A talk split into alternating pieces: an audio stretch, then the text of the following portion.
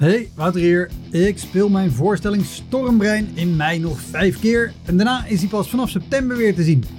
Op 2 mei speel ik hem in de Rijswijkse Schouwburg. Op 10 mei in de stad Schouwburg in Utrecht. 17 mei in het Toon Hermans Theater in Sittard. 25 mei in de Wiese in Schalkwijk. En 29 mei in het Stadstheater in Zoetermeer. Eind mei maak ik mijn nieuwe speellijst bekend, inclusief een te gekke show in de zomer.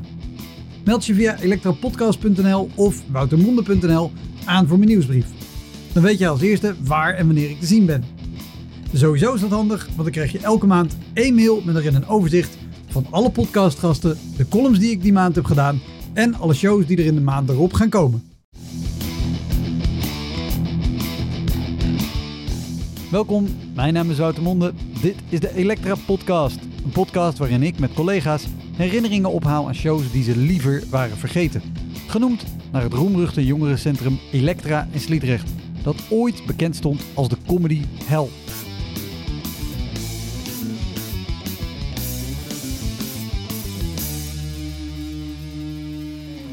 Mijn gast is deze keer stand-up comedian Peter Pannenkoek. En de afloop, hij zegt zo van ja, waarom ging het zo slecht bij mij? Jullie gingen best prima, waarom ging het mis? En ik zei nou misschien omdat je een hakenkruis op je rug hebt. En hij had ook een heel stuk over 4 mei volgens mij. Peter is door het hele land te zien met zijn eigen voorstellingen. Hij was huiscomedian bij De Wereld Rijd Door. Hij is regelmatig op tv, bijvoorbeeld bij Dit Was Het Nieuws. En hij doet in 2021 de Oudejaarsconferentie.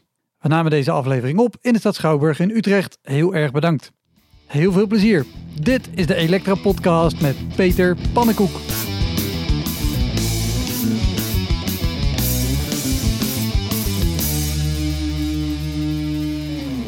Volgens mij zijn er heel veel mensen die denken dat jij ooit ergens bent ontstaan en toen DWDD bent gaan doen en toen de roast en toen in één keer groot geworden. Maar toen was je al heel lang bezig. Het was wel een aantal jaar bezig, ja. Was er maar zo'n feest dat, ik zo, dat het zo makkelijk ging. Want, want wanneer ben jij begonnen? Ik ben begonnen, ehm, even kijken, ik ben in 2004 naar Amsterdam gekomen.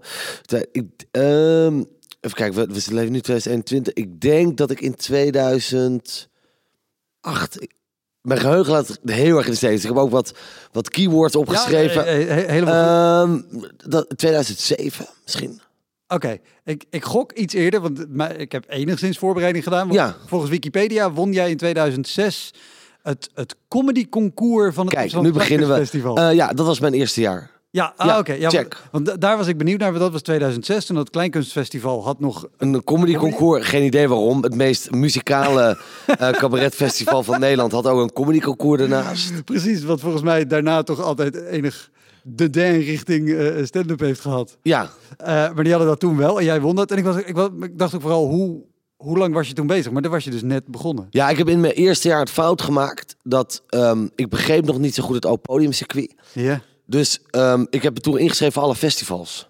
Wat je natuurlijk iedereen afraadt van ga eerst nou een paar jaar kutten en kloten. En je hebt maar één keer een kans op een festival. Ja. Dus dan moet je niet snel aan meedoen. Mijn allereerste optreden. Kijk, normaal zeg ik officieel zeg ik wel mijn eerste optreden was bij eh, het Comedy Café bij een open podium. Die heb ik toen wel gevonden. Ja. Maar eigenlijk mijn allereerste optreden eh, was voor vier mensen van de Groningen Studenten eh, eh, Cabaret Festival. De auditie voor Zo'n selectie. Selectiedag. Oh. En ehm, ja, dat is zo dom, maar zo niet bewust van hoe het werkt. En eigenlijk, maar ook zo, zo egocentrisch en megalomaan ben ik ook. Ik ben ook nog steeds gepikeerd dat ik niet ben toegelaten. Want ik vond eigenlijk met terugwerkende kracht dat het nog best wel oké was voor eh, wat er daarna kwam. Maar dus was ik, dan stond ik gewoon in een, in een soort, ja, ik weet, het, het heette een theehuis in Amsterdam. ja. En dan gewoon voor vier brakke, zagrijnige studenten eh, opeens voor het eerst in even een half uur te doen. Een half uur ook. Ja, dat, ja, 25 minuten. De selectie, het was, Jezus. of voor- misschien was het maar acht minuten, maar voelde het als een half Ja, uur. Maar ik ja. altijd dat ik een half uur had geschreven, ja. Oh, wat lang. Ja, Verschrikkelijk. En, en, weet je nog, wat je, wat je zei, ik, ik kende de Open Podia niet, ik, had Comedy Café wel gevonden. Nou, ik kende überhaupt, ik kende de Morris niet, snap je? Ja. Van, ga nou eerst eh, materiaal testen. Ik dacht gewoon, oké, ik moet speelplekken fixen. Nou, dan google je dat. Dan eigenlijk de enige manier is vooral, oh ja, blijkbaar zijn er festivals. En daar je eh, krijg je plekken. Ja. Oh, en, en maar hoe had je, had je enige voorbereiding op die auditiemiddag voor, voor Groningen? Nee, ja, ik denk dat ik die tekst een paar keer heb geoefend. en toen ben gaan doen.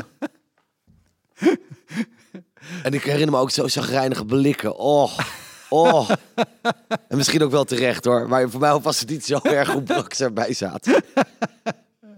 En heb je, want je zei je was gepikeerd dat je niet door was. Heb, heb, je, heb je nog boze mails gestuurd of ze gebeld? Nee, Of nee, totaal niet. Nee, nee, totaal niet. Maar het Nee, voelde, het voelde gewoon als een, als, een, als een grote nederlaag. En waarschijnlijk was het ook terecht. Maar het voelde gewoon... ik- ergens in mijn hoofd baal ik gewoon dat er ergens in Nederland vier mensen rondlopen...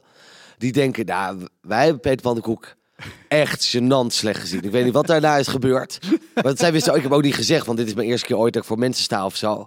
Dus eigenlijk, ik, ik, hoop dat die mensen... Ja, ik hoop eigenlijk dat ze zijn omgelegd. Dat die mensen gewoon nooit het verhaal door kunnen vertellen. Ik denk ook al vaak, dat bij jou zit. Ik, bedoel, ik, ben, ik heb ontelbaar veel gênante optredens gehad, et cetera.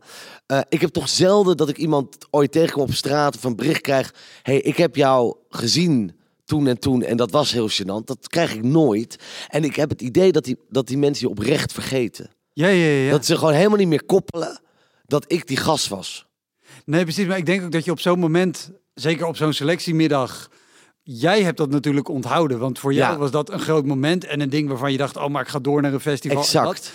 En voor die lui ben jij gewoon één van de. Zoveel Mongolen die... Die eh, die en, en hebben- zij hebben waarschijnlijk gedacht, oh jezus, hebben we er nog en nog vijf, dan kunnen we eindelijk Ja. gewoon bier gaan drinken. ja, Maar nou, ik heb het een enkele keer hoor, dat ik, dat ik mensen tegenkom die dan zeggen, oh, maar ik heb je jaren geleden nog wel eens daar gezien. Gelukkig nooit zo bruut dat ze zeggen, dat was heel gênant. ja, maar precies, ja. Maar ik denk ook dat heel veel mensen. eh, Ze onthouden je naam niet, ze onthouden je uiterlijk niet. Of je moet heel veel indruk maken. Maar over het algemeen, als je op zo'n moment in je carrière al heel veel indruk maakt, dan ben je ook wel iemand die dan doorgaat of naar een volgende Ja, ronde, of die dan al Ja. snel doorbreekt. Ja, dat is heel fijn eigenlijk, het systeem. Ja, ja, ja, ja. ja, ja. Maar, maar ik vind het omgekeerd vind ik het wel ook heel grappig. Want er zijn ook eh, eh, collega's waar wij allebei mee spelen. Die ik eh, bijvoorbeeld acht jaar geleden nog op een open mic dat ik MC'de en dat zij speelde. En weet je dat ik dan zeg van nou, maar deze. eh, misschien ga je vanavond wel iemand zien waarvan je later denkt, oh, die heb ik nog gezien. Ik heb dat soort dingen gezegd over Tex de Wit en over Casper van der Laan en zo. Ja, leuk. En dat vind ik wel weer tof. Dat ik, ja, maar dit- dat heb ik gezegd tegen die mensen en ik heb niet gelogen. Het is, het is Nee, echt, nee, nee. echt waar geweest. Maar als je dat honderd keer zegt, bij twee lukt het en die andere 98 die verdwijnen ook voor altijd in de vergetenheid. Dus op een gegeven moment heb je altijd wel een keer gelijk. Ja, ja, ja het, is, eh, het, eh, het is een numbers game. Ja. Dus je, je, je wint altijd. Oh, goed. Maar je was daar niet door. En, en op wat voor plekken speelde je dan verder? Want je deed de, de volgende van dat soort festivals, maar ook Comedy Café. Dat was, toen zat het nog op eh, Ja. eh, Max Euweplein. Max Euweplein. En daar heb ik heel veel geluk gehad dat, ehm, dat men, ja, dat gebeurt wel vaker trouwens. Dat was eigenlijk mijn eerste optreden voor echt publiek. Ja. Dat er echt meer dan vier mensen zaten. En dat ging best goed. Maar dat zie ik vaker bij mensen. Je eerste keer optreden, je weet niet wat je aan het doen bent. En je Ja. weet ook niet waar de lach moet komen. Dus dan ben je eigenlijk blij verrast. En dan speel je heel naturel. Het Ja. gaat vaak de mist in als je het de tweede of derde keer eh, moet doen. Ehm, en daar is... Toen ben ik echt misschien wel na het eerste optreden. Oh nee, toen mocht ik na, na het eerste open podium wat ik deed. Toen mocht ik in een weekendshow spelen. eh, van het Comedy Café. Dat is een hele snelle route. Ja, maar dat is ook achteraf heb ik dat ook wel geanalyseerd. Dat is ook, ik zeg dat nu is het ander management, ander beleid. Maar dat was ook wel de oplichting van het Comedy Café. Want dan had je een soort deal. Dus mag je, mag je in de weekendshow. Nou, daar ben je mega blij mee. Maar de eerste vier keer is onbetaald. En na die vier keer bellen ze je ook niet meer. Dus ik, ik, dat hebben ze wel Oh, bij meerdere mensen gedaan. Dus dan ben je wel net goed genoeg dat, dat je niet helemaal de weekendshow verpest. Maar dan hebben ze gewoon, oh, dan hebben we weer even 15 minuten gratis vulling. Oh, wauw. Ik, ik, heb, Ja. ik heb dit nog nooit eerder gehoord. Oh, oké, dan is het de theorie. Ik, dan was ik gewoon na vier keer niet meer teruggebeld. Zie je hoe ik alles koppel in, het kan nooit aan mij liggen. Het zal wel systeem. Nee, maar ik heb dit wel meerdere mensen. Ik, Ehm, ik, ik wilde zeggen, ik heb dit nog nooit eerder gehoord. Maar met het management wat er toen zat, verbaast het me Precies. helemaal niks. ehm, daar ben ik toen gespot door eh, ehm, eh, Comedy Adventure.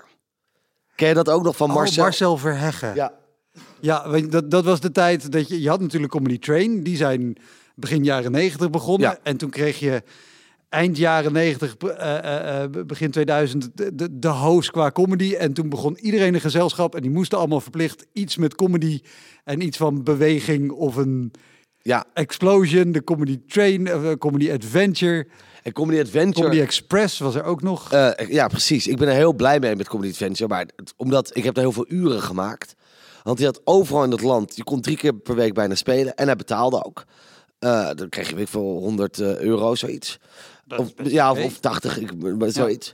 En ehm, alleen de plekken waren erbarmelijk. Alleen ik had geen referentiekader nog hoe erbarmelijk en onmogelijk dat toen de tijd eh, was. En, ik vond die man heel lief. De oud marinier, hij was altijd heel optimistisch. Maar bijvoorbeeld, hij heeft een keer gezegd, we, we spelen op een festival in Leeuwarden. Wij naar Leeuwarden toe en ik echt, ik, dit overdrijf ik niet. Dit was in een winkelstraat op een kratje. Maar de winkels waren al dicht. Dus er fietste soms iemand langs. Ik had de, de, de, was twee seconden. En allemaal van dat soort plekken. Nou, ik stond een keer voor de nazi's in Hengelo. Eh, ehm, en, ook, en, en ook ruzie meegekregen. En, en je stond in heel veel kroegen. Wa- Wacht even, wacht even, wacht even. Want je Ja. gaat nu heel snel. Je stond voor nazi's in Hengelo. Oh ja, maar dat is mijn publiek. Nee, ehm, nee ja, dat, dat bleek. Het, het, was, vrienden, het, was niet, het was niet eh, welkom bij de natieavond. eh, eh, nee, maar, nee, maar dat bedoel ik. Wat, wat, Er waren skinheads, waren van die kale gasten. En op een gegeven moment, door de tatoeage, vermoeden al, dit klopt niet. En ik weet niet meer wat voor stuk had. Ik had iets, ik heb vaak een stuk over Joden en de concentratiekamp, et cetera. En die flipte toen helemaal daarover. En toen, één goos, die, die flipte zo erg, die moest worden tegengehouden door zijn vrienden. En die is toen zo naar buiten begeleid. En dan had ik daar nog over gedaan. Weet je ook een keer hoe het voelt om gedeporteerd te worden. En eh, ik, was wel, ik was wel onbevreesd. Ook alweer omdat ik niet wist wat ik deed. En omdat ik dacht, ja, ik heb ook een oud marinier. Dit moet nog wel goed komen. Ehm, eh, wat, wat was daar ook? Nou, en je speelde heel veel in kroegen. Waarbij niet werd aangekondigd dat er comedy zou zijn. Ja. Dus de vaste klanten, die baalden gewoon dat je er was. En het goede ik echt van dat circuit, ik heb daar, daar- je, je leert overleven. Ik, Absoluut. ik vind soms bij comedy train, sommige mensen komen heel snel bij comedy trainen, want die hebben zoveel talent, mogen snel auditie doen, worden aangenomen. En die kennen dan dat circuit van ploeteren niet. En soms vind ik het jammer, want dan merk ik bij sommige van die mensen dat ja, als het op een avond heel moeilijk wordt, dan weet jij niet hoe het is om daarvan uit te komen. Ja, ja, absoluut. Tegelijkertijd het gevaar van het circuit vind ik ook. Als je daar te lang optreedt, dan kan je alleen nog maar ploeteren. Dan, dan, dat, dat gaat in het materiaal, dat, dat druppelt binnen. Kan, kan je, want ik, ik, ik vind het heel fijn, want ik hoef geen eens vragen te stellen en je beantwoordt ze al. Ja, ik snap helemaal wat je bedoelt. Maar kan je uitleggen voor iemand, zeker iemand die niet zelf speelt, wat je in die zin bedoelt met, met ploeteren? Of wat je op zo'n avond moet doen, wat anders is dan bijvoorbeeld in Toomler, waar gewoon alles netjes geregeld is en waar mensen weten waarvoor ze komen en die gewoon aan tafeltjes zitten. En, en een kaartje hebben gekocht omdat ze comedy willen zien. In plaats van dachten, wij gaan kletsen en er komen nu mensen door onze... Ja, je moet mensen, eh, bij ploeteren moet je mensen heel snel veroveren. Dus de stamgasten, je hebt, je hebt een minuut à 30 seconden. Ehm, je moet snel kunnen schakelen. Oh, dit soort materiaal vinden ze niet leuk. Dan probeer ik ander soort materiaal. En als het eigenlijk op neerkomt bij ploeteren is het seksmateriaal. Seks werkt het best. Het, het moet wat platter, het moet sneller, het moet niet te moeilijk zijn. Ja, Ehm, dat is denk ik eigenlijk wat ik bedoel eh, met ploeteren. En ook, ehm, ehm, de, ja, die fout ook nog eens. Je kan in, als het misgaat, ook heel erg gaan benoemen hoe kut het allemaal gaat. En jezelf helemaal, heel zelf, zelfdestructief word je ervan. Maar dat lost het nooit op. Dus dat leer je ook. Dat je soms moet je ook gewoon een beetje doorspelen. In de hoop dat het later nog komt. Heb, heb je dat wel eens gedaan? Dat je, dat je gewoon je eigen graf, graf hebt gegraven op het podium? Ja, ik, ik, ik denk dat ik per jaar iets minder zelfdestructief word. Maar ik denk dat iedereen, dat heb ik nog altijd wel heel erg in me hoor. Terwijl, ja, het helpt gewoon nooit. En je maakt het zelf ook vaak veel erger dan het is. Je gaat op een gegeven moment zeggen, jezus, wat gaat het kut? En dan denken mensen, nou, we vonden het nog niet geweldig. Maar om nou te zeggen kut, Ja, ja, ja, maar oh, ja. blijkbaar als jij het kut vindt, dan is het kut. En dan is het dat ook. Dus dat werkt helemaal niet. Nee. En daar heb ik ook met Comedy Adventure, maar dit verhaal heb ik wel eens vaak verteld. hoor. Het allerraarste was in een jeugdgevangenis in Vught. Eh, moesten we spelen. En ehm, met, met Tricky Rick, als, eh, ik weet of die wel eens is genoemd in deze podcast. Hij, hij is vaker voorbij gekomen, eh, maar ik kan me voorstellen dat er er staan inmiddels 100 plus afleveringen. Ja. Dus ik kan me voorstellen dat niet iedereen die geluisterd heeft. Vertel even. Ja, Tricky, ik vind het moeilijk te omschrijven. Tricky Rick, de, eh, hij deed het in Engels toch? Ja, dat is een Amerikaan. Een Amerikaan en hij deed een, een heel soort, soort ritueel, een boom shakalaka, waardoor mensen energie kregen. Maar ik was blij dat hij er was in de jeugdgevangenis, want hij heeft wel heel veel autoriteit en uitstraling. Ja, dat, dat was vooral ook zijn ding. Hij had, had autoriteit en energie. Ja, Daar, daar dreef het op. ja minder grappen, maar wel in ieder geval dat. Ja, En ehm, ja, volksmanner echt. Ja, maar dat is wel belangrijk. Want je gaat fucking in de jeugd van totaal absurdistische omgeving. Iemand van 13 voor mijn gevoel op de eerste rij dat je denkt, wat heb jij gedaan? Borstvoeding gejat. Hoe kan je nou in godsnaam nu al in de gevangenis zitten? En we optreden. Het ging best wel oké. Ook een aandachtspannen van, En, en hoeveel, hoeveel, hoeveel jongens zaten er? mm, ik denk ehm, 80. Oh, Oké, oké. Ja. Dat, dat is nog een redelijk... Ik heb ooit in een jeugdgevangenis gespeeld voor 19. Och, och. Dat, eh, Heel taai. en het, alleen het totaal ideaal, dat was dus wel eh comedy adventure van alles optimistisch brengen en niet vertellen wat er echt aan de hand is. De afloop liep die gevangenisdirectrice met ons mee naar de auto. En toen zei ze, nou, ik ben zo blij dat het experiment is gelukt. En ik zo, welk experiment? Ja, het was voor het eerst dat we het zonder bewaking deden. Maar dat soort dingen hoor je dus bij Comedy Adventure altijd achteraf.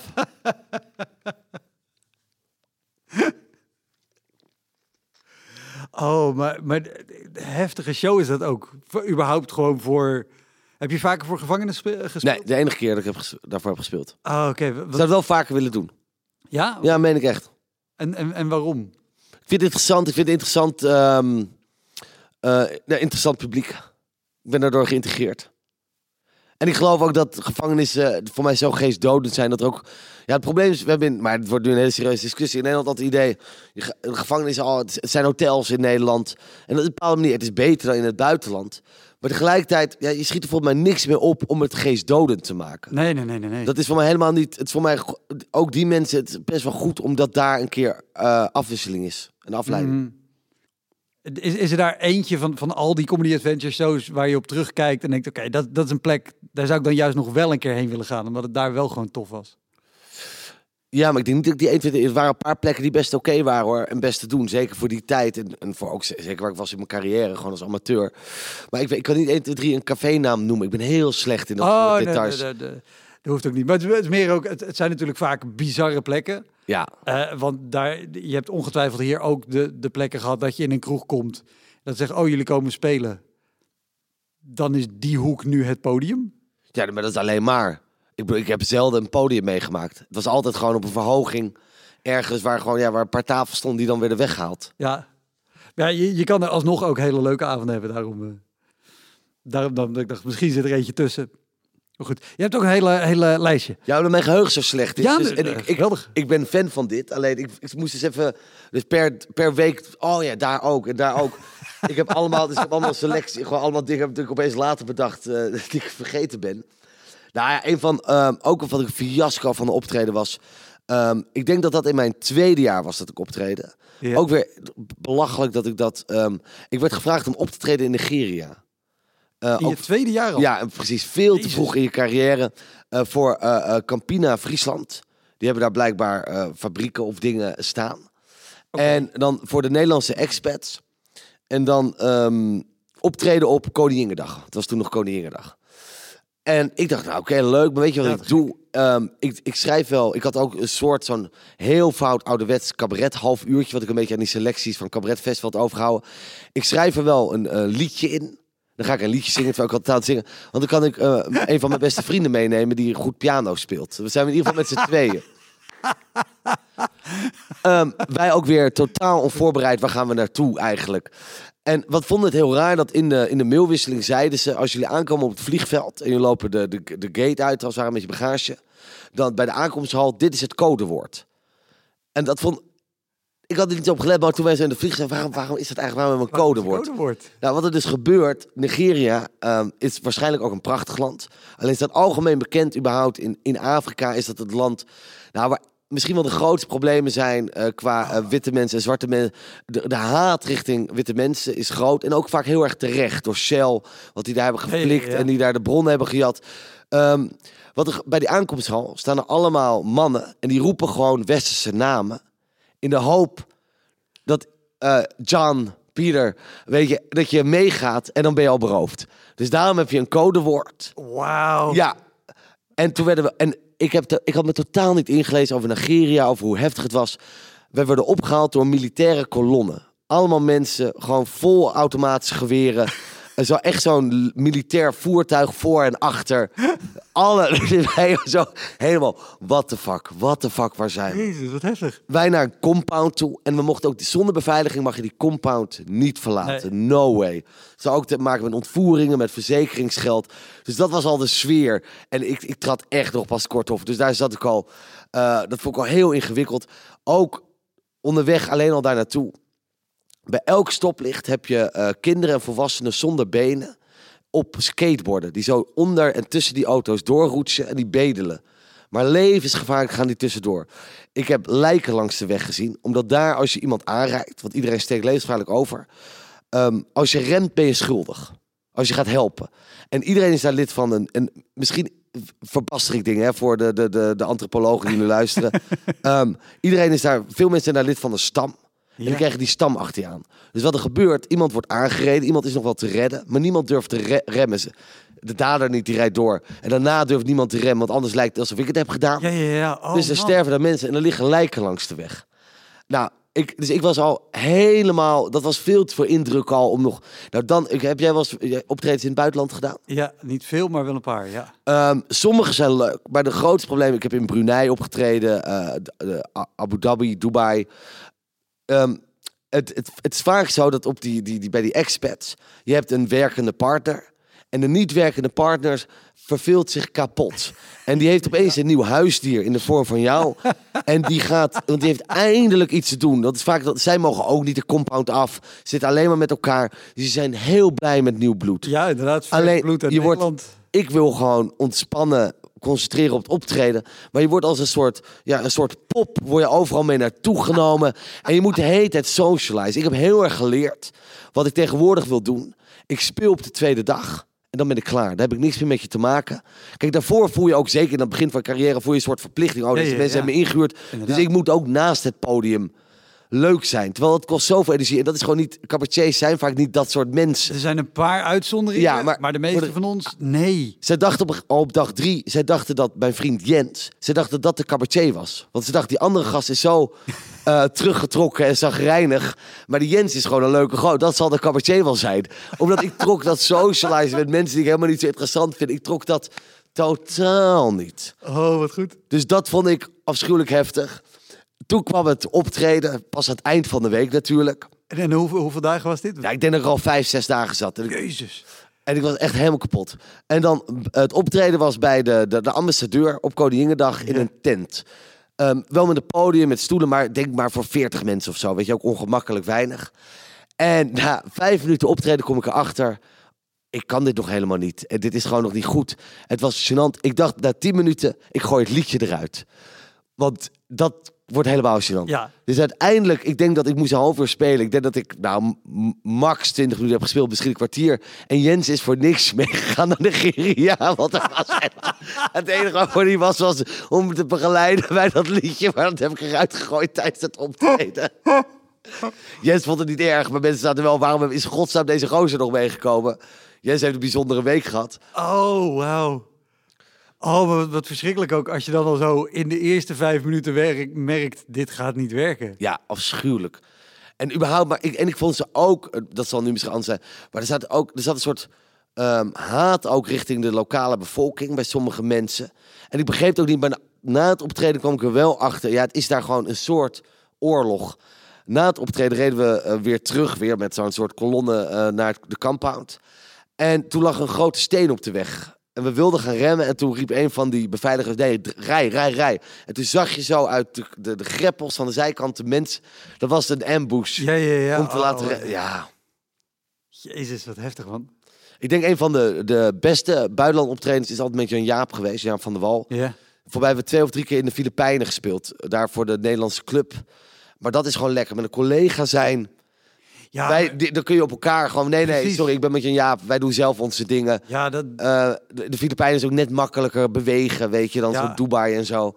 En daar heb ik gewoon dat een heerlijke week gehad. oh, maar dan ook een, een, een week lang zo moeten socializen. Zeker als je Ja. nog niet het zelfvertrouwen hebt om te zeggen, hé, hey, laat mij gewoon lekker met rust. Precies, dat vertrouwen is er ook niet, nee. Beter. Maar sowieso die show, kan je, kan, je, kan je nog voor de geest halen hoe dat, hoe dat gaat of hoe dat voelde? Want het geeft volgens mij, het is wat ik van mezelf weet, het geeft ook heel veel druk dat je in je achterhoofd hebt. Het is niet gewoon een show die misgaat. Het is een show die misgaat waar mensen twee tickets hebben betaald om jullie naar Nigeria te Oh, die halen. druk, ja, maar daarom, ik doe eigenlijk, eh, toen ik iets meer geld ben gaan verdienen, is een van de eerste dingen waar ik mee mezelf heb verwend. Wat ik mezelf vond, ik ga geen nieuwe auto kopen.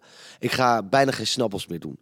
Omdat ik trok, ik weet, het betaalt goed. En zeker als het begint is dat heel fijn. Mm. Waardoor je gewoon een buffer hebt.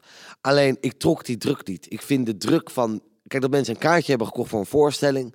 Die druk, daar wil ik mee leven. Dat vind Ja. ik fijn en daar doe ik mijn best voor. Maar dat mensen dan veel geld, zo'n bedrijf. Ik, ik, ik trek Maar die mensen die een kaartje kopen, kopen ook echt een kaartje omdat ze jou willen. Precies.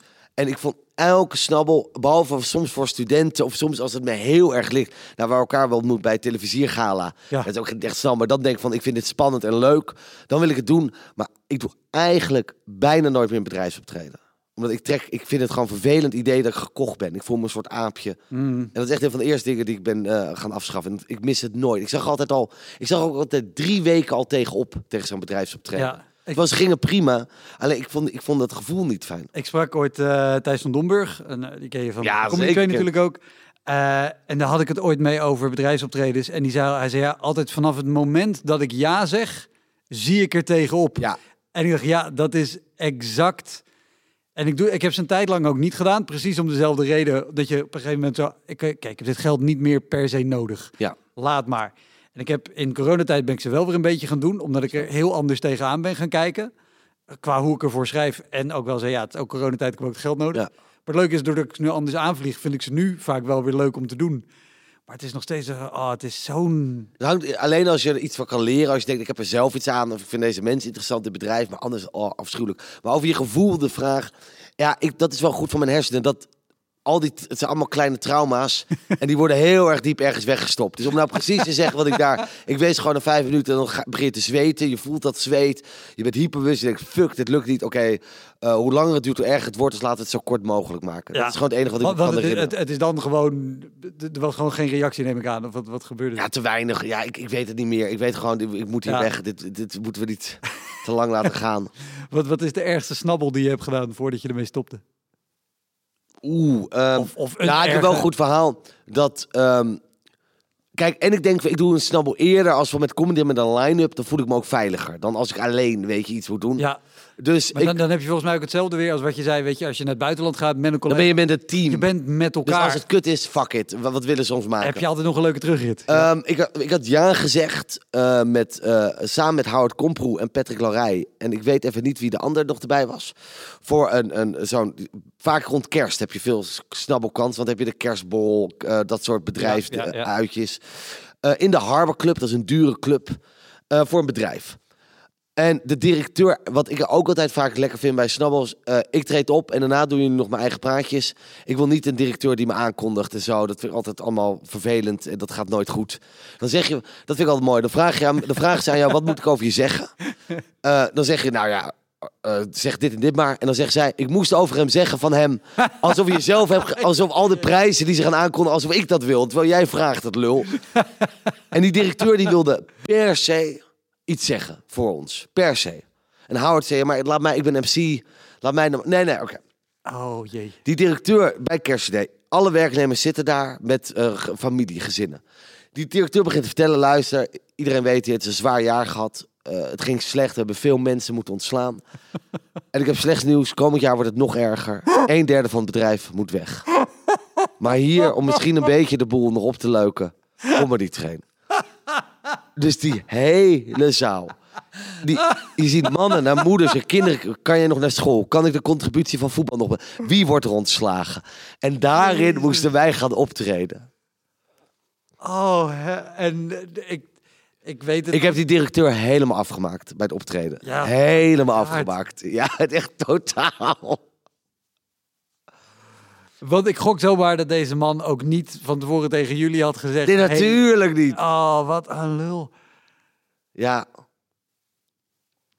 Het, het is zo ongelooflijk. Eh, Ik, ik, ik ken dit soort ervaringen gewoon ook uit mijn eigen carrière. Ik heb in de podcast al tal van dit soort verhalen gehoord.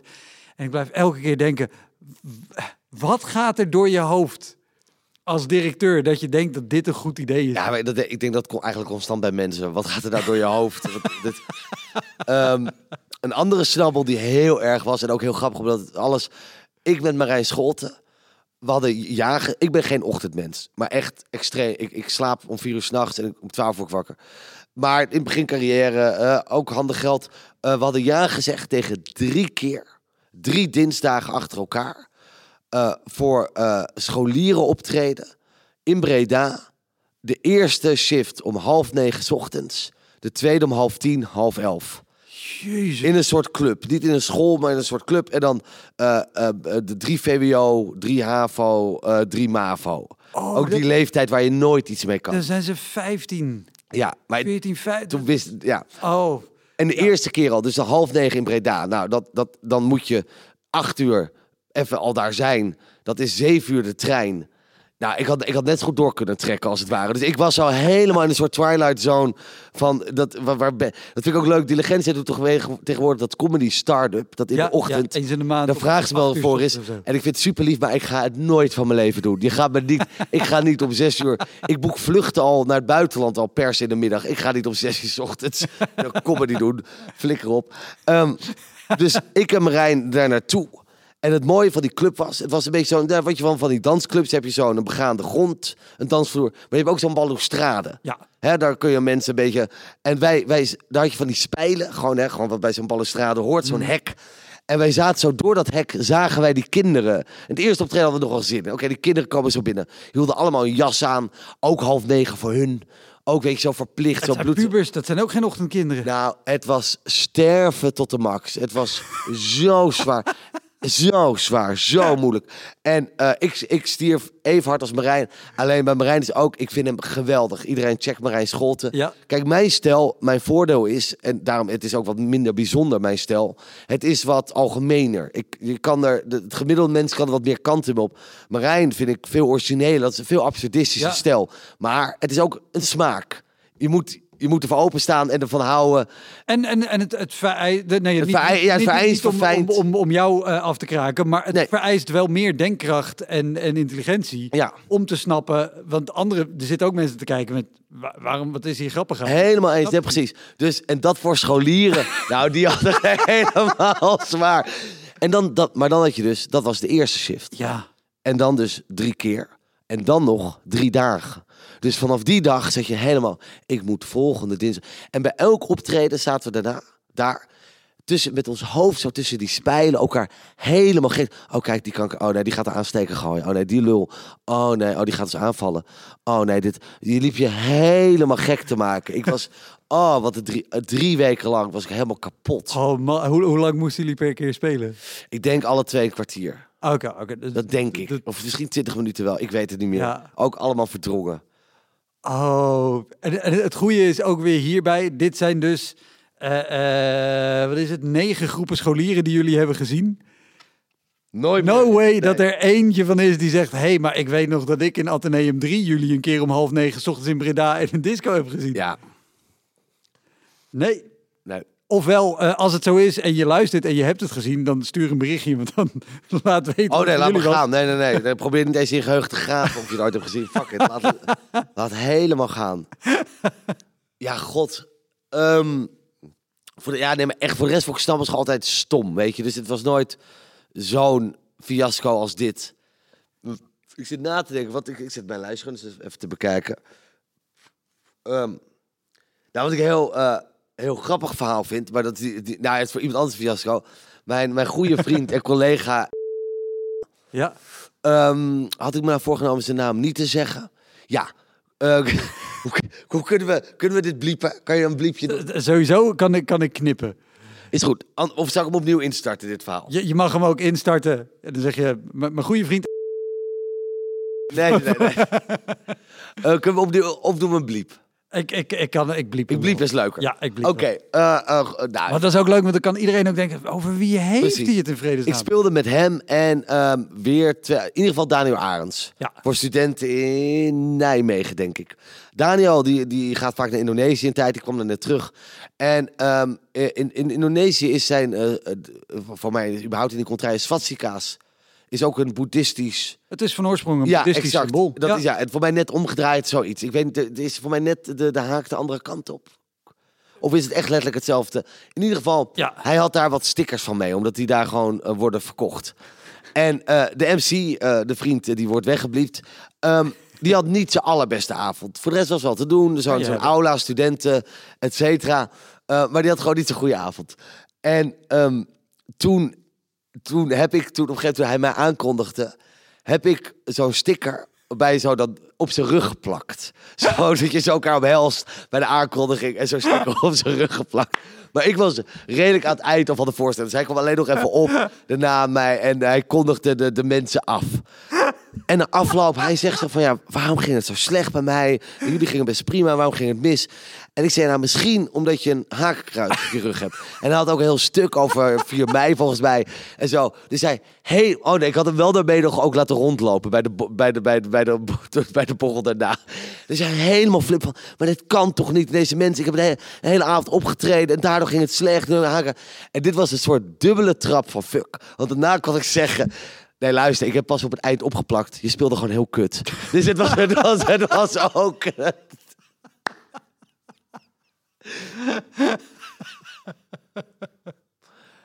Zo dubbel daar. Ja, ja, ja. Ben, ben, ben jij zelf, want ik, ik weet dat comedians onderling dit soort naaistreken wel vaker uithalen. Ben jij wel eens door iemand zo genaaid? Nou, ik ben. ehm, ik, ik vind eigenlijk. Ik weet, eigenlijk vind ik dat ik het niet kan dat ik heb gedaan. Want ik vind je moet elkaar nooit fucken met optreden. Optreden is misschien bij een late night. Als iedereen een beetje gezopen Ja. heeft. Maar anders moet je mensen gewoon. Dat is te belangrijk daarvoor. Ehm, wat hebben we daarna? ehm, nou ja, ja oh nee, met Daniel en Henry hebben mij vaak. Maar ook vooral buiten het podium. Op een gegeven moment gingen we. Comedy train ging naar Edinburgh. Het was mijn eerste jaar dat ik bij eh Comedy Train zat. Ja. We gingen optreden. Hans Theo, Theo Maassen, Eva zo'n Sauers. comedy festival in Edinburgh in Ja. Schotland. En Een maand lang. En jullie gingen daarheen om daar in het Engels te in spelen. het Engels spelen, Daniel, Henry. En ik zat net bij Comedy Train. Ik ging daar niet heen om te spelen, maar ik was benieuwd naar het festival. En we hadden een huis. We hadden gewoon een huis gehuurd met heel Comedy Train. En toen kwam ik daar aan en toen hingen daar een soort rooster van klusjes. En ik moest onmiddellijk eh, eh, eh, de, de, de klus doen, de, keuken schoonmaken en de stoep vegen. Nou, dat hadden Henry en Daniel opgehangen. En die hebben mij de hele tijd gefilmd. Dat rooster bestond helemaal niet. ik heb gewoon als soort feut ben ik gefeut en heb ik naar het hele huis geboet. Ik zag Hoi, Wouter hier. Wist je dat er al meer dan 160 afleveringen van Elektra online staan? Dus het kan heel goed dat je net die aflevering hebt gemist met een comedian of cabaretier die jij echt helemaal te gek vindt. Op elektrapodcast.nl kan je makkelijk zoeken op de naam van een gast. En daar kan je ook heel makkelijk doneren of crewmember worden om mij te steunen bij het maken van deze podcast. Als je in je podcast of streaming app even klikt op abonneren of volgen, dat is gratis, krijg je elke week een melding als er een nieuwe aflevering klaar staat. Oké, snel weer terug. een half oog op jouw lijstje bovenaan die staan over Tessel. Ik weet niet waarom, maar dat... Ja, ik maar ik gelijk- dacht me eigenlijk dat is helemaal, dat is gewoon, dat is meer, ehm, dat bij DVDD heb je ook gewoon, ja, ik deed dat elke week, dus soms staat er ook een flater Ja, tussen. voor, voor de, voor de, de, de wereld draait door, Ja. waar, waar jij de weekafsluiting elke Ja, week eh, deed. twee jaar lang heb gedaan. Ehm, het, het, het heftige was dat dit was, het was zo alles of niks. Het be- be- beheerste zo mijn leven. Anderhalf miljoen kijkers. Dus als een optreden niet goed ging, dat vond kijk, ik vind eigenlijk, ik ben zo ambitieus dat ik vind elk optreden moet waanzinnig zijn. Dus als dat niet lukt, dan baal ik al. Maar laat staan live voor anderhalf miljoen kijkers. Ja, ja, ja, ja. En ik zou met mijn toenmalige vriendin een, een weekend naar Texel gaan. En die had er echt heel erg op verheugd. Want ik werkte echt heel hard. En die zag me echt, die zag me één keer in de twee weken. Eh, dus eindelijk even tijd voor elkaar. Oké, dat gaan we, gaan we onmiddellijk na het optreden. Gaan we naar Texel, halen we de laatste boot. Drie dagen Texel. En dan moet ik weer aan het werk voor de nieuwe DWDD. Ehm, ik had toen nog geen rijbewijs en er zat ook geen auto. Dus ik had tegen de gezegd, zou die anders, eh, kunnen we even iets fixen? Dat we daar, er zei een recteur, ik, ik breng jullie wel eventjes. En ik denk dat ik die avond eh, mijn allerslechtste optreden eh, bij DWDD heb gedaan. Het viel totaal niet. Terwijl ik had er hoog, ik had natuurlijk weer heel vaak getest daarvoor. En het werkte elke keer in de comedyclub. Alleen mensen begrepen, zeker in die setting, in die drie minuten, mensen begrepen de premissen niet. Wat ik me herinner, de premissen, ik vind het leuk bij de wereld erdoor om nooit eh, Wilders af te zeiken toen de tijd. Omdat ik denk van ja, dat vindt het publiek ook al. ja. Ik vond het makkelijk scoren. Dus ik probeer altijd iets te zoeken. Nou, wat vindt dit publiek? Nou, niet. En daar gaan we het over hebben. Dat vind ik interessant. Dat probeer ik eigenlijk altijd met mijn Ja. comedy. Ehm, en het, net in, dat week, in die week waar, waar, waar- er was gevoetbald met herdenkingskransen van 4 mei. Dat is elk jaar is dat een nieuwsbericht. Ja, Dan, die blijven een dag liggen en dan pakken jongens die en die gaan daar dan mee, die gaan dat trappen. ja. Maar dat is altijd, oh, er wordt gevoetbald eh, in de Telegraaf met. eh, en ik had gewoon de premisse, maar waarom, als je kan voetballen met herdenkingskransen, moeten we die gasten gewoon niet selecteren voor het Nederlands elftal? Dat is toch super knap? Die moeten toch, ja, worden, het ging gewoon niet goed met het Nederlands elftal. Best leuk, gewoon leuke ja premisse. leuke insteek. Zaal hoorde blijkbaar alleen maar schande, kan niet. Dit, hoe kan je dat zeggen? Het, het viel totaal, maar echt, echt hard viel het. Oh, man. Dus ik loop af en ja, ik, kan, ik kan dat dan niet meer uitschakelen. Ik ben dan, dat is, dan is het alsof mijn wereld gewoon kapot is. Dus ik was bloedzagrijn. Ik was woedend op al en ook de omstand. DVD had ook soms maakten ze op de vrijdag shows die het mij ook onmogelijk maakten. Ik had een keer een jongetje wat bijna dood ging en daarna mocht ik onmiddellijk een keer Bert en Ernie, dus Wim T Schippers en Paul Hane, maar dan met handen in die pop. Die zaten dan die daarvoor het onderwerp, maar die zaten dan naast waar ik moest optreden bij het podium. En die gingen dan zo meelullen met het optreden, Gewoon een beetje hekkelen. Oh, ja, ik ben wel echt het is op zich heel eervol om gehackeld te worden door gewoon de echte Bert en Ja, maar het maar- is onmogelijk. En die omstandigheden, dat weet je al, het is al onmogelijk. Je staat, je bent Wat, niet... wat, wat- vertel even, hoe, Ja. hoe, hoe ziet dat eruit? Oké, het ik eerste, heb een idee, maar... de tijdsduur is drie minuten. Ja, Drie minuten. Het is eigenlijk alsof je aan de, je denkt, misschien denken mensen, oh, maar het is minder werk, want het duurt korter. Maar in drie minuten kan niks. Het is hetzelfde, hey, je hebt een boek geschreven, Ja. doe dat even in één pagina. het is wel drie keer zoveel als eh, ehm, Eagles of Death Metal kreeg. Nee, eh, hoe heet ze? Ehm, Elke band bijna. elke band. Maar, Maar ja, dat is een maar minuut, anyway, dat is een ja. minuut uit je nummer in ieder Ja, geval. precies. Dat is, daar zit minder interactie met het publiek. Ehm, het kost je een minuut om uit te leggen waar het nieuws over gaat. Want je moet ervan uitgaan dat niet iedereen de krant heeft gelezen zoals jij het hebt gelezen. Maar in die eerste minuut moet er ook al een grap zitten, terwijl je Ja. ook nog helemaal aan het uitleggen bent. Je speelt in een zaal die niet voor jou komt. Die komt voor Matthijs, voor het programma. Op tv lijkt het knus, maar een tv-studio is zo gebouwd dat er camera's, tv-camera's doorheen kunnen rollen. Dus dat podium stond op een plek dat mijn eerste rij was de tafel met gasten. En die was vijf meter verderop. En daarna kwam het eigenlijk de rest van het publiek was tien meter verderop. Dichtstbijzijnde publiek wat er zat. En het beste publiek zat op het balkon rechtsboven mij. Maar daar mocht ik niet naar kijken. Want als kijker wist je niet dat daar publiek zat. Dus je zou niet begrijpen waarnaar ik keek. Dus het publiek wat ik wilde, kon ik niet naar kijken. Mijn Oh, eerste publiek was een tafel waar gasten alleen maar bezig zijn. Oh, ik heb net een gesprek gehad bij de Wereld Door. Eh, dit is zo'n groot moment. Hoe ging het gesprek? Wat heb ik gezegd? Die zijn met hun hoofd totaal niet Helemaal bij mij. niet. En dan ben je nog afhankelijk, hoe is de uitzending? Wat gebeurt er in het gesprek voor mij? Hoe is de vibe? Nou, het is het, is het onmogelijkste. Theo Maas heeft gezegd, dit is het, het moeilijkste Precies, maar, plek waar ooit comedy... maar überhaupt dan nog, nog even zonder alle druk van een studio en zonder bij het publiek dat die, oeh, er zijn camera's en er zijn BN'ers en Matthijs. Als je dat allemaal weghaalt, maar dan nog, jij staat op een podium en je, je eerste publiek is 10 meter verderop. Dat Ja. is niet te doen. En live, live, anderhalf miljoen kijkers, onmogelijk. En dan gebeurt het soms dat ze het gewoon... En ze, dat deed niet om mij te veel kennis, ze hadden het best met me voor. Maar ja, de eerste comedy begrijpen is moeilijk. En het is gewoon een tv-programma. Ja. Ja, het, gewoon, er moeten Gaat dingen gebeuren. jou, ja. Ik heb een keer gehad, na de Wereld Erdoor, zat 8 uur journaal. Het 8 uur journaal moet om 8 uur beginnen. Zit een beetje in de titel. Ja, eh, maar dat is echt. Als de DVD te erg uitloopt, zou je op zwart komen. Dan zou het gewoon harde kut eruit. Ik stond klaar, dat was een soort halletje om voor die aankondiging te loopje. Ik had ook een keer dat tien seconden voordat ik opga, ehm, dat de redacteur naar me toe kwam sprinten in mijn oor. Er moet een half minuut uit. En toen werd ik, wel, je hebt al zo belachelijk. Het is zo lastig in drie minuten. Ja, ja, ja. Dan, misschien was het trouwens wel dat optreden, dat dat gebeurde. Dat zou best kunnen, nu ik erover nadenk. Dat ik, toen heb ik ook de verkeerde halve minuut uitgegooid, waar juist de, daar zat de, de grappen. Ja, want, want dat is ook, als het zo kort is, dan is elk, nou ja, dat, Dan heb je ze- bij elke show is elk woord in principe relevant, maar daar helemaal. En na drie minuten, bij je comedy show, heb je, na drie minuten heb je het publiek een beetje erin. En dan moet je alweer weg bij DWDD. Dan Ja. is het alweer klaar. En eh, nou ja, ik werd gewoon, het was gewoon, het was, ik ben blij, want we hebben geïnteresseerd in groot publiek, maar het was zo hels. Het was zo moeilijk. Ehm, dus die halve minuut eruit, voor mij had ik daar een verkeerde keuze gemaakt. Dus ik was bloedzagrijnig, ook even op het programma, op alle omstandigheden. ja, ja, ja. Nou, en ik, ik had ook het idee dat mijn vriendin een jinx was. Dat ze één keer komt ze kijken en dan gaat dat mis. Daarna heeft ze ook nooit meer mogen kijken. Ook in het theater moest ze dan maar in de kleedkamer blijven. Ik heb geweigerd. Ja, ja, ja. Ja, het is, het is afschuwelijk. Het is ook omdat keer in het theater kwam in, in Den Helder, wat ook een moeilijke plek is. En toen ging het ook minder goed. En toen heb ik besloten, jij bent de jinx, je mag nooit meer kijken. Terwijl voor de rest ben ik niet zo van bijgeloof. Ehm, en oh ja, dus dat bedoel ik nog over het uitlopen. Mijn angst was altijd, als ik nu uitloop, dan gaat het beeld op zwart. Dus er komt over op de kijker alsof ik zo slecht was. Dat zie je weg. Dat iemand... ja, ja, ja. Dus daardoor durfde ik nooit over de tijd heen te gaan. Dat is alle ding. Nou, ik was woedend, zagrijnig, verdrietig. Ik baalde. Dus zo zat ik al in die auto. Ik was helemaal kapot. Nou, we hebben zo'n kut weekend gehad in Testen. Het was zo... Het was... En eindelijk had, hadden we samen drie dagen. En ik was niet te genieten. Ik kon het niet loslaten. Het zat alleen maar in mijn hoofd.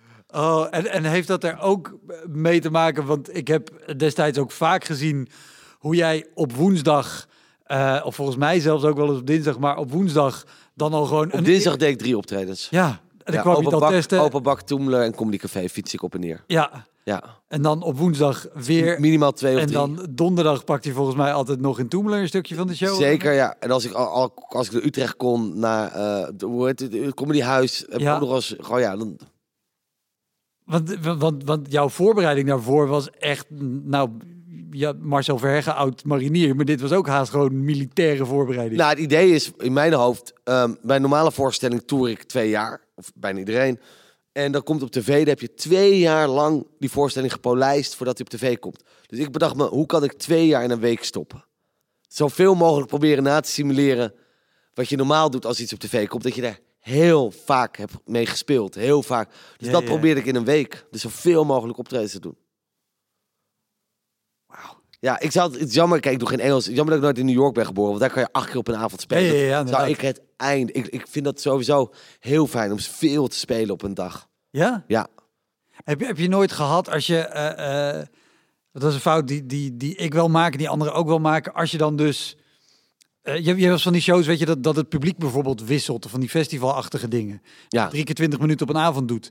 Dat show 1 gaat, gaat oké, show 2 is superleuk. En dat je denkt, oké, Nu ben show ik er dan 3, gaat zo drie kut. bam. Ja. Ja, Nee, ik vind als ik materiaal wil testen, anders, boeit, anders vind ik het niet geweldig. Ik heb ook in die coronatijd twee keer op een avond een uur gespeeld, en- of 70 minuten. Dat vond ik heftig. Maar als ik materiaal wil testen, dan vind ik het lekker om veel. Want dan kan ik, oh, dit werkt niet. Kan ik onmiddellijk bij die volgende 20 minuten dat al hebben aangepast, dat eruit hebben gegooid. Dat Ja, vind ik zo fijn aan. Ja. En, en, en wat ik ook wel herinner van die periode, is dat jij dingen testte en dat, dat wij achterin zaten zo, ah, geweldig, de, de vrijdag doen. En dat wij zo, oh, was lekker man. En jij zo, ja, ja, een paar dingen die werkten wel goed, maar de rest dat moet echt nog wel scherper. Dus, ah, Ja, maar het was Dat- dat- anderhalf miljoen kijkers en, en op tv, het komt ook nog zo kut over. Ja. Want er zitten, op, dat is, bij Dit Was Het Nieuws wordt de lach goed opgenomen van het publiek. Dat was bij DWDD ook altijd een hels gevecht van jongens, kunnen wat microfoons op publiek. Het klinkt alsof ze 20 meter ver weg zitten, want dat zitten ze ook. Maar zo, als kijker denk je, god, god, god, wat wordt er weer eh Ja, ja, ja. schamper gelachen. En, en, en, en zeker als kijker heb je ook niet door hoeveel verschil dat maakt. Nee, Ik dus heb ik- dat meegemaakt bij, bij Zondag met Lubach. Ja. Waar de audio ook fantastisch, geregeld is. En de zaal hangt... Er hangen meer microfoons dan dat er camera's staan. Ja, Eh, eh, letterlijk drie keer zoveel microfoons. Eh, wat maakt dat iedereen zegt, "Eh, er zit een lachband onder. Nee, dat geluid is gewoon heel goed nee, gedaan. precies. Maar dat maakt zo'n verschil. Maar dat heb je als kijker En niet een door. geweldige opwarming. Dat ook nog, dankjewel. Eh, Kunnen we over hebben over jouw optreden? Ik heb jou laten zien opwarmen over, over bij het televisiergala. Wat, wat mij een van de over moeilijke snabbels gesproken. zo, dat, daar even over dat- voor de luisteraar. dat was een hele heftige. Eh, het ding was, ik werd gebeld een week van tevoren. Volgende week is televisiering gala. We hebben Jan Smit, we hebben Rick van de Westerlaken. Het is een brave show, dat weten we ook wel. We willen het ietsje leuker maken. Kan je helpen om dat script een beetje op te peppen en, en hun grapjes een beetje aan te scherpen en hun een beetje te preppen, dat ze die grappen wat beter brengen. Ja, Ik zei, oké, dat is goed. Eh, dat kan wel. Nou, ik stuur een voorstel voor de prijs. En ik zeg er ook bij, joh, als je wil, dan kan ik ook wel de opwarming doen. Want ik, ik wist wel, dat is geen makkelijke klus, maar het is ook carré. En half TV-land zit daar. Het kan zomaar handig Iets zijn dat mensen mij daar zien. ja. Maar dus je had zelf aangeboden om een opwarming te doen. Ja, Ja, wat, wat, wat, wat geweldig. Ja, ik was er al heel blij mee. Maar Ja. Ehm, maar ik dacht, oké, leuk. En ik had een voorgesprek met ze natuurlijk over, over het script en zo. Maar ook over die opwarming. En ik had gezegd, oké, we moeten zorgen dat de mensen bewust zijn van het feit dat de show eigenlijk begonnen is. Op het moment dat ik Ja. begin met opwarmen. En dat ik zo dicht mogelijk zit op het start van de show. Want je wil niet dat daartussen nog een pauze zit. Dan gaat iedereen weer kletsen. Dus ik moet opwarmen. Zo deden we bij Zondag met Lubach ook altijd. Ik deed de opwarming. Ik gaf het woord aan Arjen. Die deed nog een Q&A.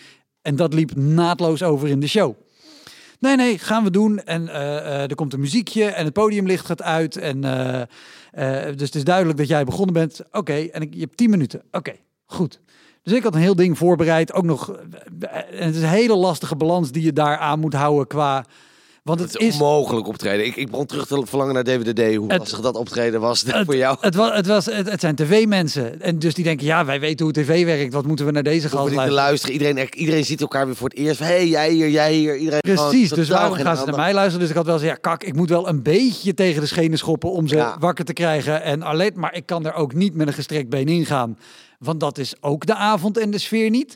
En die rol heb ik daar ook helemaal niet. Dus, dus dat was een hele lastige balans. En hetzelfde als, als met jou, weet je, vlak van tevoren, er moet een halve minuut uit.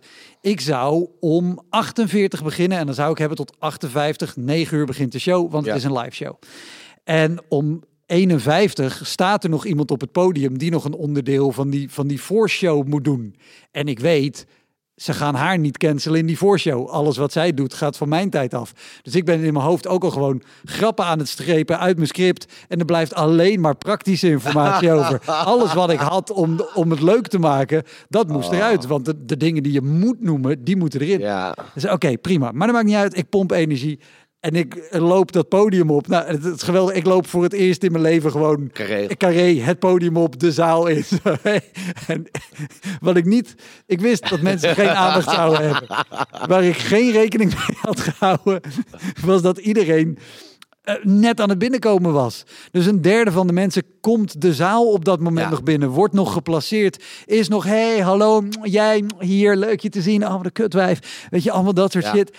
En ik moet daar doorheen babbelen en dan is het echt gewoon zoeken naar mensen waarvan je ziet dat ze naar je en kijken. mensen komen ook binnen net na jouw aankondiging. Dus die hebben geen idee wie jij bent. Die denken, oh, de opnameleider zou wel een beetje aan het brabbelen zijn. Exact. Dus, dus het is echt zo speuren in die enorme bak. Nou zijn er mensen waar ik een beetje connectie mee heb. En, en waar ik iets mee kan. Ik moet energie overbrengen. Ik moet uitleggen wat ze doen. En eh, ik weet dat ik op een gegeven moment... eh, ik moest ook nog iets uitleggen over lampjes. Want ze hadden allemaal een of ander goedkoop AliExpress lampje... wat ze om hun vinger moesten doen en meezwaaien met het eerste nummer. En gelukkig, ik wist waar iedereen zat. Want iedereen wordt geplaceerd. En al de hele dag hangen er naambordjes. Ja. Zodat ze met de camerarepetitie weten dat ze in moeten zoomen. Zo, daar ziet, zit, zit de kinderen van Martin Meiland. En daar zit die. Dus ik wist, daar zitten de mensen van het Jeugdjournaal. Eh, want mijn dochter is groot fan. En ik zie één lampje daar omhoog gaan. Dus gelukkig kon ik daar zeggen... Oh, kijk, Bart Tuinman van het Jeugdjournaal, die heeft hem al. Wat zorgde dat iedereen die daar omheen zat... die kant op draaide. Dus dan kan je zeggen, oké, daar heb ik een, daar heb ik een plukje aandacht. Daar heb ik een plukje aandacht. Wat applausjes. En ze waren mee. En ik kwam, maar het was echt zo zeven minuten energiepompen. Zo, oké, heel, er zit hier nu 1500 man voor me. Die praten allemaal als een malle. Ik, maar ik kan niet weg. Ik moet mijn ding doen. En ik moet uit blijven stralen dat dit heel leuk is. Maar ik ga, ik ga het goed met je maken. Dat hebben we Kiet gespeeld over die avond. Ik heb er gênant iets gedaan op die avond, waar jij ook bij was. Ehm, wij staan backstage. Ja. Bij, ik heb ook zelf opgetreden.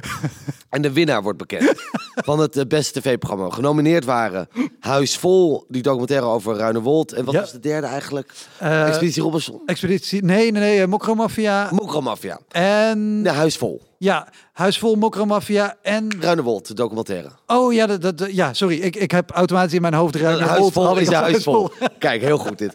Ehm, heel grappig. Wij, ik, dat heb je backstage. We hebben wel een scherm waar we het zien, maar we de, ik, ik hoorde niet zo goed. Ik, de winnaar hoorde ik niet. Ja. Ehm, maar er werd gejuicht. En ik dacht dat een huis vol had gewonnen. Dat die waren omgeroepen. En er komen drie hele lieve mensen op, of twee. En die hebben, nee, alle drie hebben ze een beugel. En die beginnen een speech te houden. En ik zeg tegen jou, waar alle mensen bij is veel te hard.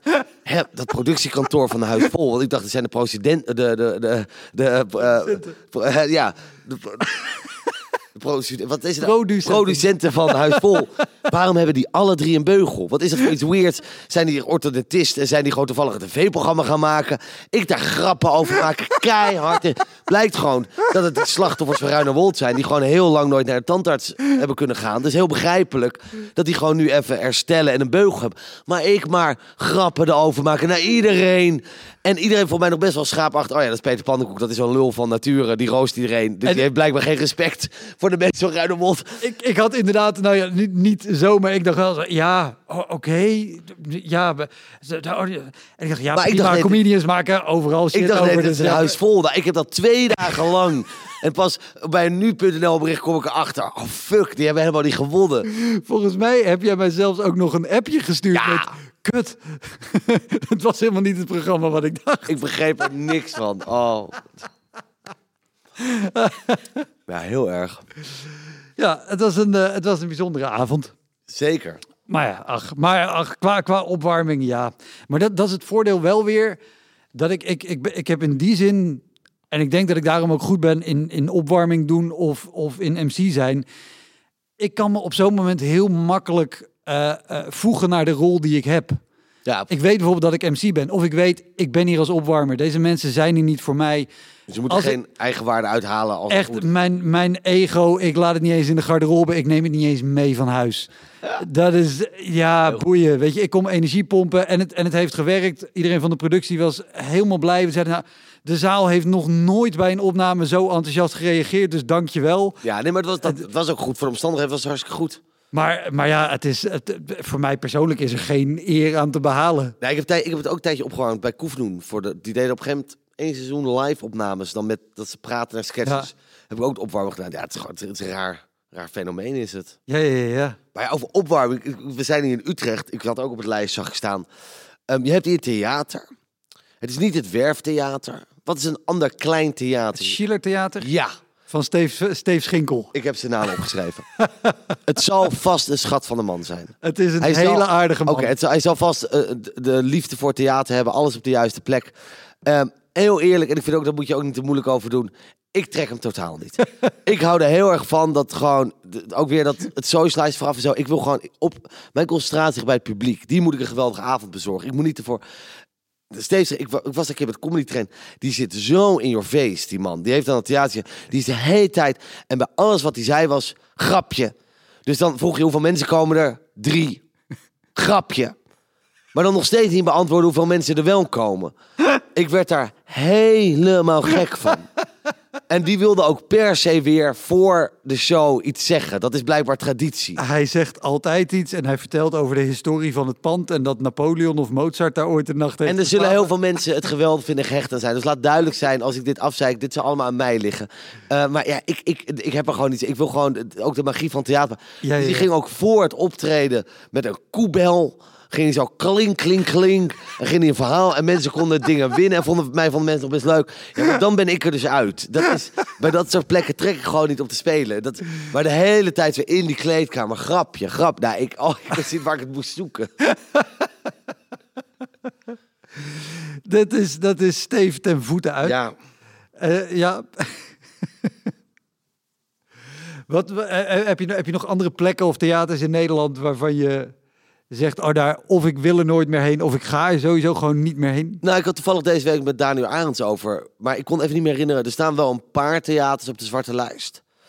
Ehm, kijk, voor mij heeft het meestal te maken. Eigenlijk, ehm, het heeft niet veel. Kijk, of, of ik word ontvangen door een directeur, I don't, I don't care. Dat is voor mij. De oudere garde vindt dat belangrijk. Weet je, Joep had altijd vond dat belangrijk dat gewoon even. Dat je een directeur ziet op een avond. Ik, ik, het boeit mij niet veel. Het gaat mij, is die zaal goed, is het publiek goed. Precies. Ehm, maar er zijn, ehm, ik, ik hecht veel waarde eigenlijk, merk ik, maar dat is gewoon puur persoonlijke smaak. Ik hou zoveel van theater dat ik vind dat de magie van theater moet in stand blijven. Bijvoorbeeld, je hebt de boerderij in Huizen, waar mensen kunnen Ja. try-outen. Er zijn voor mij ook best wel veel mensen enthousiast over. Het is ook helemaal geen slecht publiek. Maar je staat in een boerderij op een verhoging.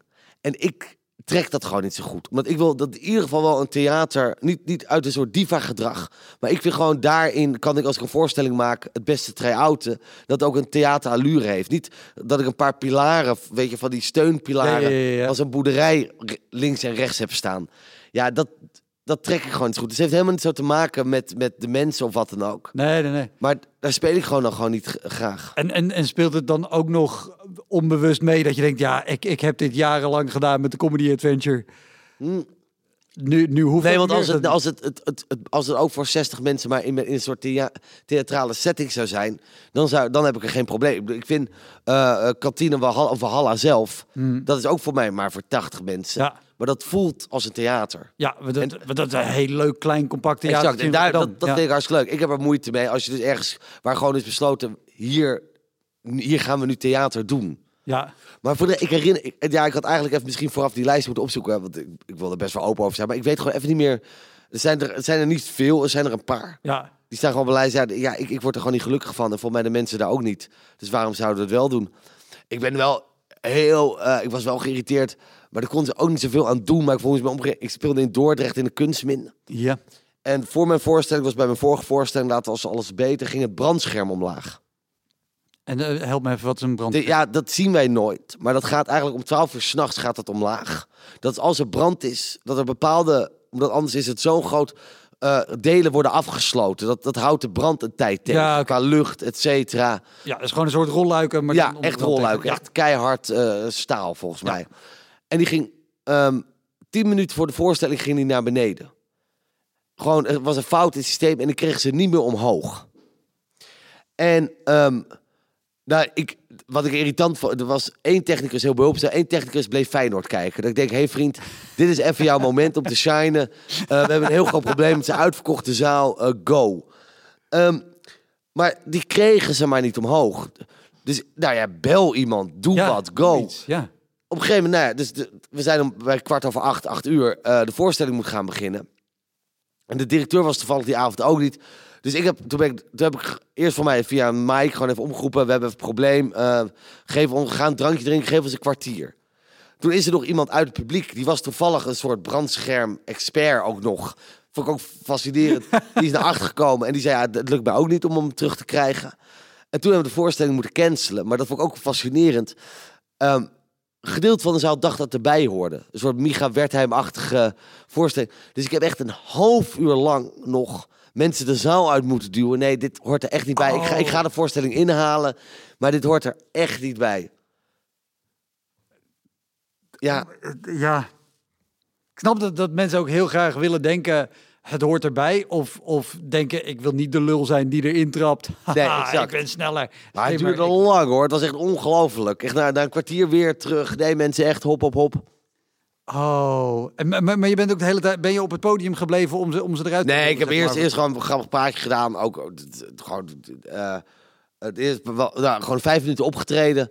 Eh, toen gezegd, laatst gaat niet door. Toen ben ik afgegaan. Toen ben ik een kwartier later kreeg ik horen zitten. Ben ik nog steeds ik een keer gegaan. En nog een half uur later nog een keer.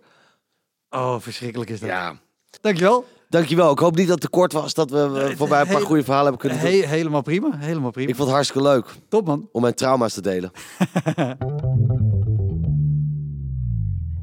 Dat was hem, de Elektra Podcast. Meer informatie over mijn gast van vandaag en linkjes naar van alles en nog wat vind je in de omschrijving van deze aflevering. Er staan ongelooflijk veel afleveringen online van Elektra. En op elektrapodcast.nl kan je makkelijk zoeken op de naam van jouw favoriete comedians en cabaretiers. Je kan daar ook eenmalig doneren of crewmember worden.